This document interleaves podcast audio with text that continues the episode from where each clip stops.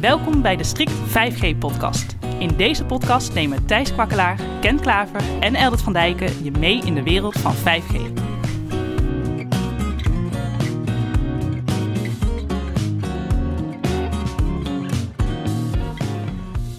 Dit is de Strict 5G podcast. Ik ben Thijs. Ik ben Ken. En ik ben Eldert. In aflevering 12 hebben we het onderwerp satellieten en 5G uitvoerig behandeld. We hadden het toen over low Earth orbit satellieten, zogenaamde LEO-satellieten, waar het gebruikt kan worden en mobiele data via de satelliet. Dus luister die vooral nog even terug als je daar nog meer over wil weten. Maar deze aflevering pakken we opnieuw die satellieten beet. Of eigenlijk, we kijken ernaar vanaf, uh, vanaf de aarde. Uh, want er zijn echt weer een hele hoop ontwikkelingen. Maar te, uh, voordat we daar gaan kijken, dit is toch aflevering 30. Denk ook wel een beetje een mijlpaal. Zeker. Kees. Goed dat je het al zo lang met ons hebt volgehouden. Nou, inderdaad. En de luisteraar net zo. Leuk dat jullie al 30 afleveringen naar dit mannelijk drietal willen luisteren. En laat vooral de comments achter. Altijd benieuwd naar jullie feedback. Maar nummer 30 over satellieten. NTN, of ook wel Non-Terrestrial Networks. Ja, en ik kreeg terecht de opmerking van je van ja, we gaan toch niet nummertje 12 weer eens opnieuw doen. En dat is uh, heel, daar heb je helemaal gelijk in. Waar we vorig jaar vooral naar gekeken hebben, is mobiele data via de satellieten en alles wat er toen mogelijk was. En wat we eigenlijk gezien hebben, is dat de afgelopen jaar heel veel ontwikkelingen zijn geweest, met name om normale mobiele toestellen een spraak- en alarmverbindingen te geven via satellietnetwerken. Dus niet een, uh, Starlink, de schotel uh, bovenop je dak uh, plaatsen. Maar gewoon met je normale mobieltje kun je, is de planning in ieder geval, vanaf volgend jaar gewoon gaan bellen. Maar, is dat niet wat? Ja, zeker. Lijkt me ideaal. Zeker voor afgelegen gebieden. Maar we kennen allemaal nog de aankondiging van Apple van een tijdje geleden dat je met je normale smartphone al noodberichten kon versturen. Dat, dat, dat kan toch al heel lang, noodberichten versturen? Sinds vorig jaar met de iPhone 14 en met de iPhone 15 zit dat er ook in. En dat werkt via het netwerk van Globalstar. Dus er is iets unieks gebouwd in de Apple-toestellen, waardoor ze op een bandje van Globalstar. En volgens mij is dat aan de bovenkant van de wifi-frequentie, dus net voor 2,5 gigahertz. Daar zit een klein bandje waar Globalstar wereldwijd op uit mag zenden. En over dat bandje kun je contact maken, als het goed is, uh, met een uh, satelliet die overvliegt. En de manier waarop, daar had je net een mooie vergelijking voor, uh, Thijs. Ja, ja, dan staat er de telefoon natuurlijk, richt je telefoon naar satelliet. Maar ja, waar die dan is, geen idee. Dus ik stelde me al voor dat je à la de, de Lion King je telefoon maar in de lucht moest gaan houden. En, en hopen dat het berichtje dan maar verstuurd werd. Ja, je had normaal gesproken moet je een paar minuten wachten om één sms'je te versturen. Minuten? Minuten, ja. Dus je krijgt wel lamme armen waarschijnlijk of een ondersteuning nodig. dus het is zeg maar een heel bazaal nog wel. Maar goed, op het moment dat je ergens in de rimboe zit en dit is de enige manier van communiceren, dan ben je ongelooflijk blij als het werkt. Daar heb je die minuten echt wel voor over. En dat is ook volgens mij waar deze satellietcommunicatie met name in eerste instantie voor bedoeld is. Voor rurale gebieden, of in ieder geval gebieden waar geen normale mobiele dekking is van de operators. Klopt. In Nederland en Europa hebben we denk ik een fantastische dekking. Maar uh, in artikelen die ik hierover las, zag ik voorbeelden uit, uit Canada en uit, uh, laten we zeggen, echt afgelegen streken. Ja, als je daar als, als vakantieganger of als, uh, laten we zeggen, iemand die hulp verleent, aanwezig bent met je team. En dan heb je niet zomaar even een, masje opgericht of een, een, een, een dekking met, met de rest van de wereld. Nee, dus, dat klopt. En, en daarvoor dit soort situaties zijn dit soort oplossingen natuurlijk bedoeld. Ja, en het mooie daaraan is, is dat je dus echt uh, met een normaal toestel ook al verbinding kan gaan krijgen. Dus er zijn een paar partijen die sinds dit jaar een hoop reuring geven. En eigenlijk uh, bewezen hebben dat ze het werkend gaan krijgen. En die roepen allebei, dus dat is AST Mobile en Link Mobile, die roepen allebei van nou, we kunnen nu met een standaard mobieltje een verbinding onderhouden. En dan kun je gewoon mee gaan bellen in afgelegen gebieden. Je hoeft dus geen Starlink setje meer mee te nemen naar een afgelegen gebied. Nee, precies. Dus dat is uh, denk ik een groot voordeel. Alleen, ze zijn bezig met trials. Ze hebben dit jaar bewezen dat het technisch werkt met de eerste satellieten uh, die ze in de ruimte hebben geschoten daarvoor. Maar het netwerk is nog lang niet klaar. En dat is iets waar uh, um, ik denk ik nog wel een paar jaar op moeten wachten. Dus het idee van die partij is van nou, ik heb er nou één satelliet de lucht in geschoten of ik heb er nou drie afgeschoten en kijk, het werkt. Nu ga ik de andere 300 plaatsen. Oh. En die eerste drie, daar zijn ze al vijf jaar mee bezig geweest. En de volgende 300, ja, ze hebben wat miljarden nodig om uh, dat allemaal te gaan bekostigen. Maar hey, het kan. En dus het is in dat opzicht wel nog behoorlijk prematuur. En ze hebben allemaal een enorme ambitie om eind volgend jaar al 300 satellieten bijvoorbeeld of 3000 satellieten in de jaren erop te hebben gelanceerd.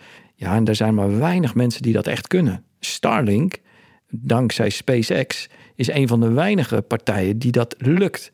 Ook omdat ze heel veel plekken kunnen reserveren op de satelliet of op de raketten die toch gelanceerd worden door SpaceX. Nou is uh, recent het nieuws geweest de lancering van de eerste satellieten van Amazon, hè? Ja. project uh, Kuiper. Dat is een derde partij die datzelfde doel heeft. Dus gewoon uh, bellen met een normaal toestel en data versturen met een normaal toestel. Ja, dus ook gewoon bellen. Ja. Want ik zag in de aankondiging dat zij mobiele data bieden in een standaard configuratie van wel 400 megabit per seconde. De meest basic uitvoering zou 100 megabit per seconde zijn. En de premium abonnementen gaan tot een gigabit per seconde. Wow, maar dan heb je wel echt een grote schotel nodig. Ja, dat is wel met, uh, met de, de nieuw ontwikkelde antenne door uh, Amazon. Ja. Want het lijkt dan alleen voor datatoepassingen te zijn. Maar laten we zeggen, we hebben het hier natuurlijk met name over de communicatie met satelliet door een normale smartphone. Ja, correct. Want wat het is, hè, dat zijn LEO-satellieten, dat noemde je net al even Thijs. Dus dat zijn satellieten die op ongeveer 500 kilometer boven de aarde langs vliegen. Uh, het verschil is ook wel dat de normale zendmast is zeg maar uh, op 1 tot maximaal 5 kilometer. En nu staat dat dus ruim 100 keer verder. En dat, dat zorgt wel voor uitdaging in het onderhouden van die verbinding. En een van die uitdagingen is dus dat het radiosignaal heel zwak is.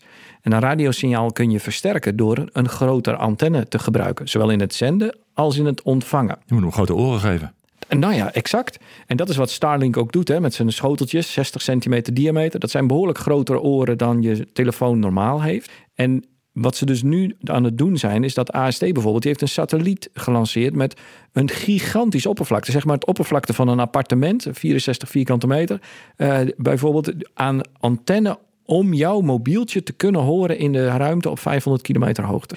En dat is zeg maar wat de grote uitdaging zit, is dat je het liefst een goede radioverbinding wil realiseren door aan beide kanten een grote antenne te plaatsen.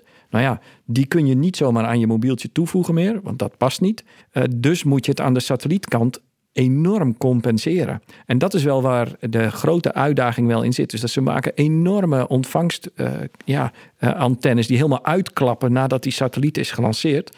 Ik vind een ongelooflijk knap uh, staaltje engineering. Hoe weet de satelliet nou waar die is? Ja, op basis van satellietcommunicatie zou je zeggen. maar die satelliet vliegt natuurlijk om de aarde heen. En die heeft verbinding met, uh, uh, nou, laten we zeggen, de vaste wal. En natuurlijk met je mobiel enzovoorts voor de connectiviteit. Maar die vliegt over allerlei landen. Ja. En al die landen is die frequentieallocatie weer anders. En zeker als zometeen, eh, we hebben het over NTN, Non-Terrestrial Networks. Uh, op basis van 3GPP, dat betekent ook gestandardiseerde frequentiebanden. Uh, maar die, die, banden liggen in elk werelddeel of in elk land ligt dat weer net wat anders, zeg maar. Hoe weet de satelliet nou waar die is? Want die moet natuurlijk schakelen dan. Nou, je, je noemt eerst het, het, het een dingen, van de ja. problemen. Ja. precies. Het eerste probleem is dat op het moment dat je met een satelliet uh, overvliegt en je wil communiceren met een standaard mobieltje, moet je dus inderdaad gebruik maken van standaard frequentiebanden die het mobieltje begrijpt. En die frequentiebanden zijn normaal gesproken gelicenseerd aan een mobiele operator in elk land waar je overheen vliegt. Precies. En dat is dus ook de uitdaging die ze hebben, is dat in alle landen waar men die dienst wil lanceren, moet men een overeenkomst sluiten met de bestaande mobiele operators. Zo heeft Rogers dat in Canada bijvoorbeeld als een van de eerste partijen al gedaan. Hè. Canada enorm uitgestrekt, heel veel gebieden is geen uh, mobiele dekking. En Rogers heeft eigenlijk gezegd, nou ik wil dit gewoon als toevoeging aan mijn dienstenpalet. Ik krijg die masten toch niet overal geplaatst. Laat ik maar een belangrijk deel van die communicatie via satelliet uh, verlopen. En dus heb je uh, als Rogers heb je de voordeel aan om dan een deal te sluiten met zo'n satellietpartij. Maar die satellietpartij, daarvoor is het noodzakelijk om zo'n deal te sluiten. Want anders mag je inderdaad niet op het moment dat je boven zo'n land vliegt, eigenlijk op die frequentie uitzenden. Maar zijn er dan geen uh, stukken frequentie die überhaupt gewoon een soort altijd Globally overal uh, zijn voor dit soort satellietdiensten die eigenlijk gewoon nou ja, letterlijk uh, landoverstijgend zijn? Klopt. En die zijn er inderdaad, maar die zijn al lang in gebruik door een bestaande partijen. En daar wordt niet zomaar een additionele plek op uitgegeven. Dus dat is een hele uh, lastige plek. Dus het is nogal dringend geblazen op het moment dat de frequenties verdeeld moeten worden. Hm. Overigens, het wordt in de nieuwe Wereldradioconferentie die, die uh, eind 2023 ook plaatsvindt, wordt dit ook als een van de onderwerpen uh, geagendeerd om wereldwijd meer ruimte te creëren voor satellietcommunicatie. Ook omdat we zien dat daar uh, plotseling een enorme house in is, dat, dat er echt wel uh, nieuwe partijen daar een dienstdeel willen lanceren. Dus die wil men graag ruimte geven.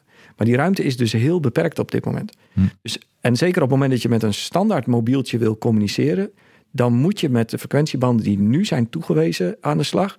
En dan kan dat eigenlijk alleen maar op het moment dat je daar van een mobiele operator uh, de licentie mag lenen. En je zegt uh, al een aantal keer de, de, een standaard mobieltje. Uh, maar zijn die, is die communicatie dan ook al wel vastgelegd in een standaard, in een 3GPP-standaard? Uh, zeker, voor normale 4G en 5G communicatie wel, maar voor satellietcommunicatie uh, niet. In die zin van, die standaard eh, is er hoe het door de lucht gestuurd moet worden. Alleen in de standaard wordt ervan uitgegaan dat die zendmast op niet meer dan 1 tot 5 kilometer staat. Yeah. En dat de antenne op een stilstaande plek staat. Hè, dus de zendmast op een stilstaande plek staat. En niet zoals er vandaag gebeurt met die LEO-satellieten. op 500 kilometer hoogte met 27.000 kilometer per uur voorbij vliegt. En in een paar minuten duizenden kilometers al heeft afgelegd. En dat zorgt voor een enorm Doppler-effect bijvoorbeeld. En wat heel knap is, wat die satellietpartijen van vandaag de dag hebben gedaan, die hebben een manier verzonnen om te kunnen communiceren met een standaard mobieltje terwijl ze knijterhard voorbij vliegen. Dus die hebben een hele hoop trucken uitgehaald om, om allerlei zaken te compenseren. Dus niet alleen dat hele zwakke radiosignaal, dus door die enorme antenne, maar ook het Doppler-effect. En een andere is dat een mobieltje, op het moment dat hij met een zendmast communiceert, dan verwacht hij met een hele korte vertraging, of heel weinig vertraging, verwacht hij een antwoord terug Bijvoorbeeld over hoe hard hij mag zenden en over signalering. En op het moment dat je dat op 500 kilometer afstand doet, moet je er echt wel wat geduld hebben, relatief gezien, uh, om dat, die afstand te overbruggen. En dat is waar ze ook oplossingen voor hebben verzonnen. En dus kennelijk kunnen ze het mobieltje doen geloven dat de zendmast toch maar op korte afstand zit en toch die verbinding uh, onderhouden. Dus ik vind dat nogmaals, ik vind dat echt heel knap. Ja, zeker. Maar uh, je zou toch denken dat uh, uh, je juist iets van die, die standaarden wil vastleggen, zodat niet iedere satellietprovider denkt, nou, ik gooi er wat in, en een andere satellietprovider denkt, nou, ik doe, ik doe mijn sausje eroverheen. Dat is ook zo. Kijk, in het verleden zag je dat uh, de, de, de, de standaard satellietcommunicatie ook speciale devices had. Je had een speciale satelliettelefoon nodig, die uh, vaak nogal uh, lompig zijn, die je minder makkelijk mee kan dragen. En die ook op speciale frequenties werkten. En niet gestandardiseerd En niet, ja, want elke oplossing had eigenlijk weer zijn eigen technologie. Ja. Het is allemaal proprietary, zoals dat dan heet. Ja. En uh, ja, dat maakt de uitwisselbaarheid van toestellen uh, minder makkelijk. En als er een kapot is, je denkt, nou koopt er een van de concurrent, dan werkt het even niet met de dienst die je hebt afgenomen. Ja. Dus nou, om naar een meer open ecosysteem te gaan, uh, is het ook van belang dat dit soort dingen wordt gestandaardiseerd. En dat is waar non-terrestrial networks binnen 5G ook de focus op heeft. Ah, oh, en dat is de link met 5G. Nou komen we er. Nou komen we, nou komen we ergens. nee, wat er dus gebeurt is dat ze in de standaardisatie van 5G nu druk bezig zijn om er een vaste standaard van te maken. Waarbij zeg maar, de verhouding tussen wat het satelliet probeert te compenseren en het mobieltje doet, dat ze dat wat meer gelijk trekken. Dus dat zowel de toestel, dus het mobieltje, als de satelliet samenwerken en beide een beetje uh, ja, de schouders eronder zetten om die satellietverbinding uh, goed tot stand te brengen. Dus daar wordt nu heel hard aan gewerkt om dat ook als 5G standaard te lanceren. Um, en dat wordt dan onder release 17, hè, die uh, rond deze tijd, of die de standaard klaar is, maar waar de producten ja. de komende tijd. Papier is er al, hè, maar meestal duurt het dan wel een jaar of twee voordat het nou commercieel beschikbaar is in chipsets. En dan moet het nog als dienst aangeboden worden, et cetera. Dus we zijn jaren verder. Maar dat is wel hoe het werkt. Exact. Maar dat betekent dus ook dat jij nu met je iPhone 15 uh, met satellietcommunicatie berichtjes. Uh, uh, jij bent nu heel blij met je telefoon, maar straks denk je, nee, ik wil toch liever die Samsung. dan kan het daar ook mee. Dan kan je zelfs ook bellen. Precies, nou, en, en dat is waar. Hè. Dus wat Apple nu gedaan heeft met uh, de iPhone 14 en de iPhone 15, die communiceren via het netwerk van Globalstar. En het werkt alleen op die types van die Apple en niet op een uh, ander merk toestel. Uh, want die hebben weer hopelijk een andere deal, maar het is niet gestandardiseerd. Dat klopt. En dat is waar dus dit open ecosysteem van belang is. Dat je dus na standaardisatie, nou ja, zowel randapparatuur als, als infrasatellieten, zal ik maar zeggen, van diezelfde technologie standaarden blijft voorzien. Waardoor het gewoon een open systeem wordt. Ja, en dan is het enige nog wat je nodig hebt, is een, het juiste abonnement om die dienst überhaupt te kunnen gebruiken. Maar dan maakt het dan weer niet uit met welk device je zit. Correct, ja. En dat is op dit moment dus anders. Ja. Nu maakt het echt uit wat voor device je hebt. Heb je daar eigenlijk een beeld bij wat dat gaat kosten ongeveer, die eh satellietdiensten? Apple heeft dat heel eenvoudig gedaan door eigenlijk te zeggen: het eerste jaar is die satellietcommunicatie gratis. Hm. En daarna hebben ze het volgens mij over een tientje per maand. Op het moment dat je er regelmatig gebruik van maakt. Dus dat is. een, Maar dat is alleen voor jouw messaging functie. ja. Oké, maar straks als we willen gaan bellen in rurale gebieden? Nou ja, we dromen al jaren van dat we overal eh, satellietcommunicatie kunnen doen. Hè? En dat dat de- het antwoord is op het probleem van, van nationale dekking. Vooral als je een uitgestrekt gebied hebt. Maar in zijn algemeenheid is dat toch echt wel problematisch. Omdat de kosten die gemoeid zijn met het lanceren van al die satellieten... zeker als je er een paar duizend eh, moet lanceren... en het eh, zeg maar een paar honderd miljoen per satelliet kost om hem de lucht in te krijgen... ehm, ik overdrijf een beetje, want dat is voor de grotere types. Maar eh, ja, het kost gewoon heel veel geld per lancering. Je hebt tientallen, zo niet honderden lanceringen nodig om je netwerk compleet te maken. Dus dat, dat gaat echt over miljarden. En ook het netwerk in, van satellieten in de lucht houden is enorm kostbaar. Dus daar, daar gaan toch heel veel kosten aan vooraf. Voordat je überhaupt het eerste gesprek tot stand kan brengen. En dan zul je daar ja, toch een heel ander tarief gaan zien... als wat we tegenwoordig gewend zijn met, eh, met 4G en 5G-abonnementen. Maar goed, nu zijn in het verleden natuurlijk een aantal satellietpartijen eh, failliet gegaan. Door eh, slechte business case of allerlei zaken, Ja, zal ik maar zeggen. En Veel te optimistische business cases. we- wel weer doorgestart. Maar je Ja. zou kunnen zeggen, door deze standaardisatie en een wat meer open markt, krijg je misschien een veel grotere verspreiding. Dus zouden de kosten ook omlaag kunnen. De kosten van je toestel, Kosten van je Pascal, toestel wel. Ja. maar niet de kosten van je netwerk. Want je hebt Nee, dan maar die kan je wel delen. Nodig. Maar je krijgt wel meer inkomsten dat je misschien meer abonnementen hebt. Of werkt dat zo niet in de satellietwereld? Eh, mogelijk. Ehm, er is natuurlijk steeds meer besef van... Als ik ergens in de middle of nowhere ben... dan is het maar handig als ik een mobieltje bij heb. Vroeger was je gewoon echt een avonturier. Eh, tegenwoordig wil je graag eh, bereikbaar blijven. En dat is mogelijk wel een groeimarkt. Maar is het iets wat je zeg maar... eh, maandelijks aan je abonnement toevoegt... als dat 30 euro in de maand erbij is? En gaat een satellietoperator hier geld mee verdienen? En, en dat zijn voor mij echt wel hele grote vragen. Dus Ja. eh, is die markt er? Nou, die ontstaat denk ik wel mm, steeds meer. Ehm, het geeft, geeft je een, een belangrijk gevoel van veiligheid. Dus je denkt van, nou, laat ik dat dan toch maar doen. Maar heel wat je nu ziet met de huidige satellietpartijen... is dat die zeg maar, abonnementen aanbieden voor avonturiers die een reis gaan maken. En dan kun je voor een week of maand of, of desnoods twee maanden huur je zo'n toestel. En daarna geef je hem weer terug. En eh, dat je dan in die maanden 100 euro per maand of meer kwijt bent, ja, dat, zeg maar, dat zie je als kosten van je reis. Maar of je dat nou als doorsnee eh, voor 25 of 30 euro per maand, wat ik maar zo eh, denk dat het gaat kosten, er aan je standaard abonnement toevoegt voor die ene keer dat je in het weekend in de Ardennen ergens verloren probeert te zijn, ja, dat, dat vraag ik me af of we dat gaan doen op grote schaal. ja, toch zijn er wel een flink aantal partijen die dit soort diensten willen gaan uitrollen. Ja, en misschien dat het daarin vooral zit eh, dat het niet de eh, bellende consument is. Eh, maar wat ik ook zag in de aanstaande release van 3GPP voor deze NTN, is dat ze zich ook heel erg richten op IoT. Dus Klopt. daar heb je juist ook, dat zijn natuurlijk veel meer soorten apparaten. En die heb je juist ook in velden en, en bergen en, en in gebieden staan waar je bereik niet altijd al te best is. Klopt. Ja, goed punt. En eh, over het algemeen hebben die een lagere eh kwaliteitsnoodzaak. dus op het moment dat je af en toe wat haperingen hebt, maar je krijgt toch je data er doorheen, dan is het prima. Heel veel gebruikers verwachten zoiets niet met een spraakverbinding. Dus wat je ook ziet bij 3GPP is dat ze eerst die IoT business case proberen te volbrengen, omdat daar inderdaad waarschijnlijk veel vraag naar is en technisch iets makkelijker is om te realiseren. Mhm. En de tweede stap wordt dan echt spraakcommunicatie eh, eh, breedschalig in de toestellen. En dat is wel, eh, ehm, ja, dus ik denk ook gefaseerd weer wordt in, geïmplementeerd. Wat, wat daarin wel de lastigheid is, denk ik, is dat als het een doodgewone mast ergens op de aarde is, dan zeg je, nou, we hebben hem eerst geïmplementeerd voor de eenvoudigere case. En eh, mocht de techniek eh, zich eh, uitbreiden of, of beter worden, schroeven we er wat bij. Ja. Een satelliet gaat dat niet zo makkelijk. Nou, daar hebben ze ooit de Space Shuttle voor gehad, hè, om wat dingen toe te voegen. Maar het is een, een hele lastige, eh, dat klopt. Het, dat is nagenoeg niet mogelijk. Als een lifecycle van een satelliet is toch al gauw een jaar of 20, 30? Nee, dat haal je niet. Nee? Nee. Vroeger bij Iridium gingen ze men ervan uit dat de satelliet vijf jaar ging volhouden. Uiteindelijk hebben ze het eh, 15 tot 20 jaar ongeveer volgehouden.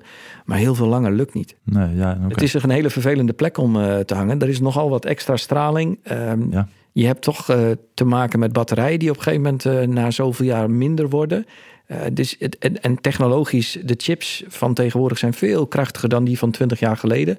Dus als je een satelliet 20 jaar in de lucht houdt, dan doe je het al heel goed. Dus het is, die, die lifecycle is, is toch redelijk kort, beperkt. Het is eigenlijk kort.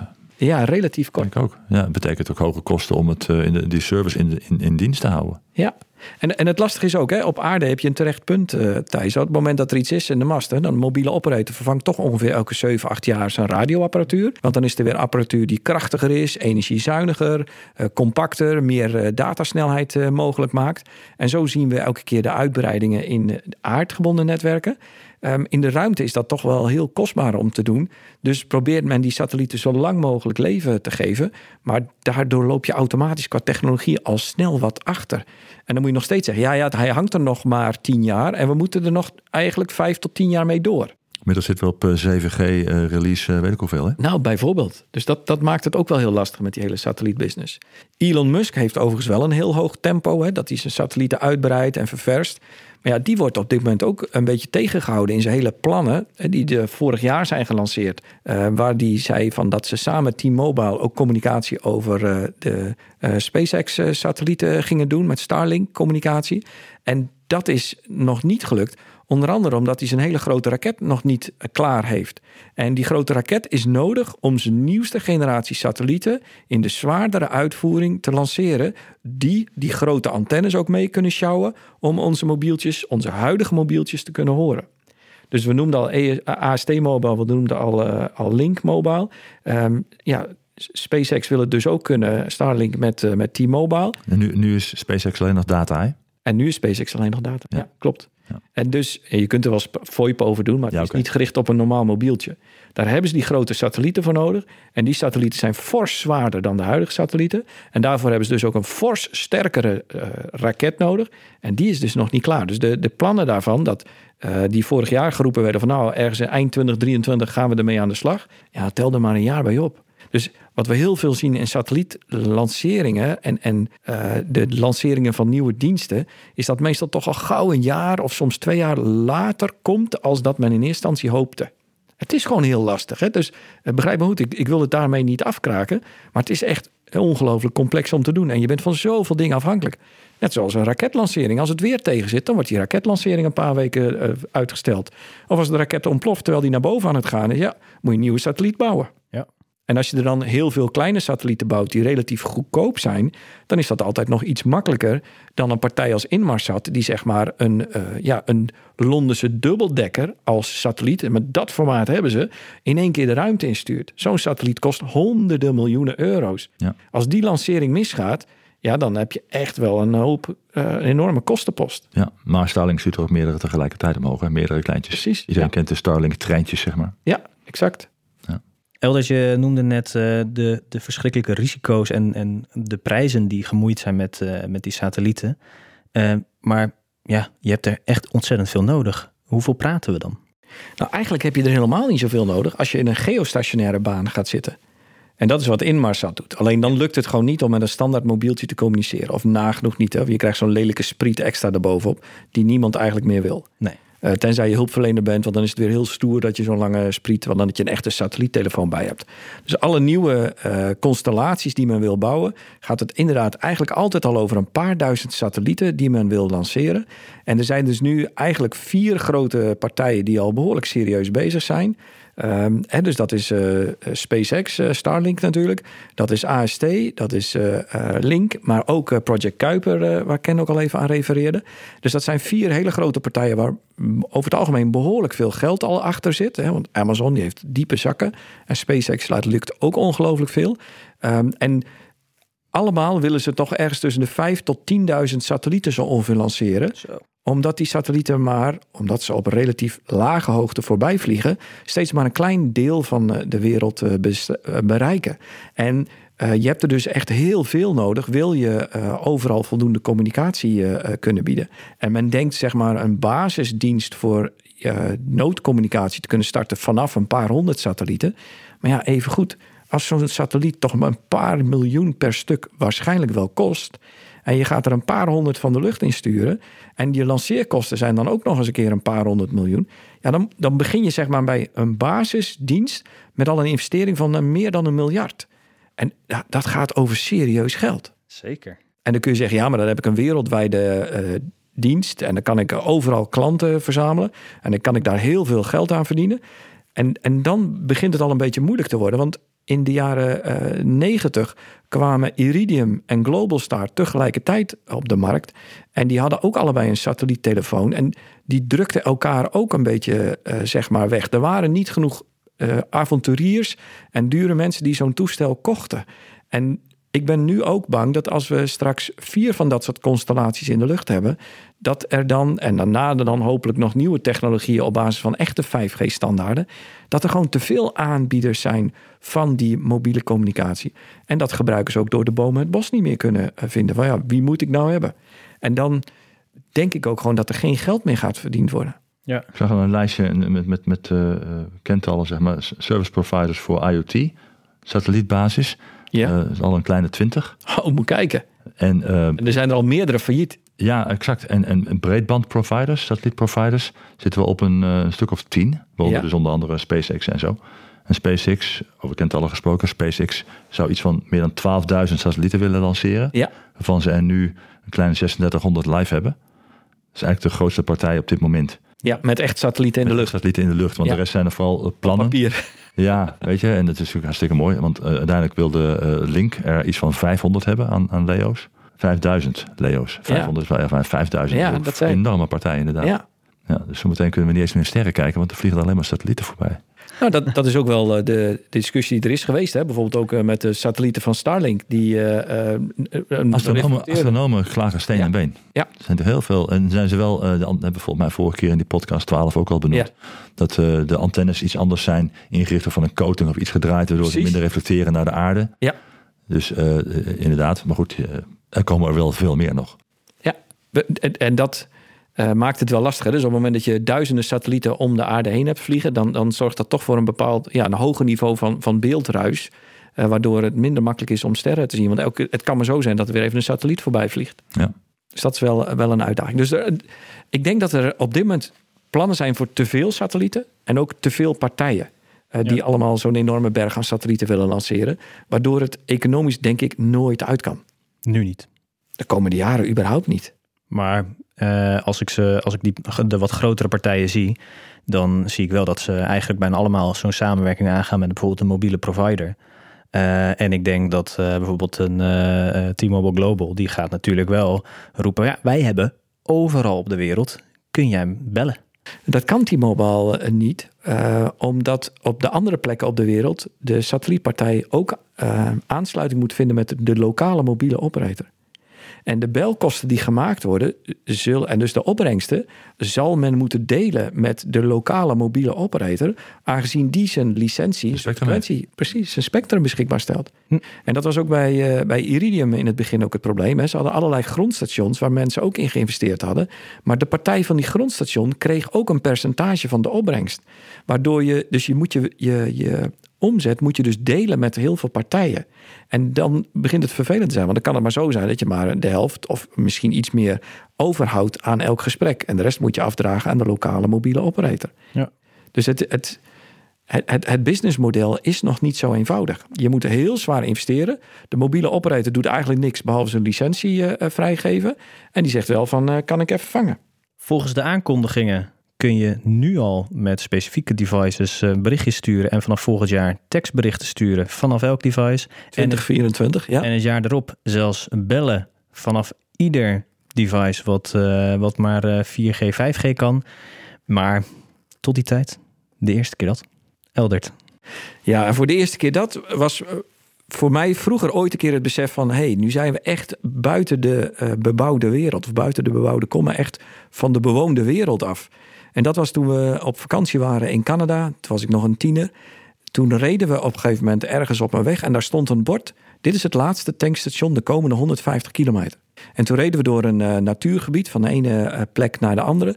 En toen zijn we op een uur uh, of anderhalf op een, op een weg bezig geweest. Waar we ergens halverwege één auto ons tegemoet reed. En al die andere tijd en afstand hebben we geen één enkele andere auto gezien.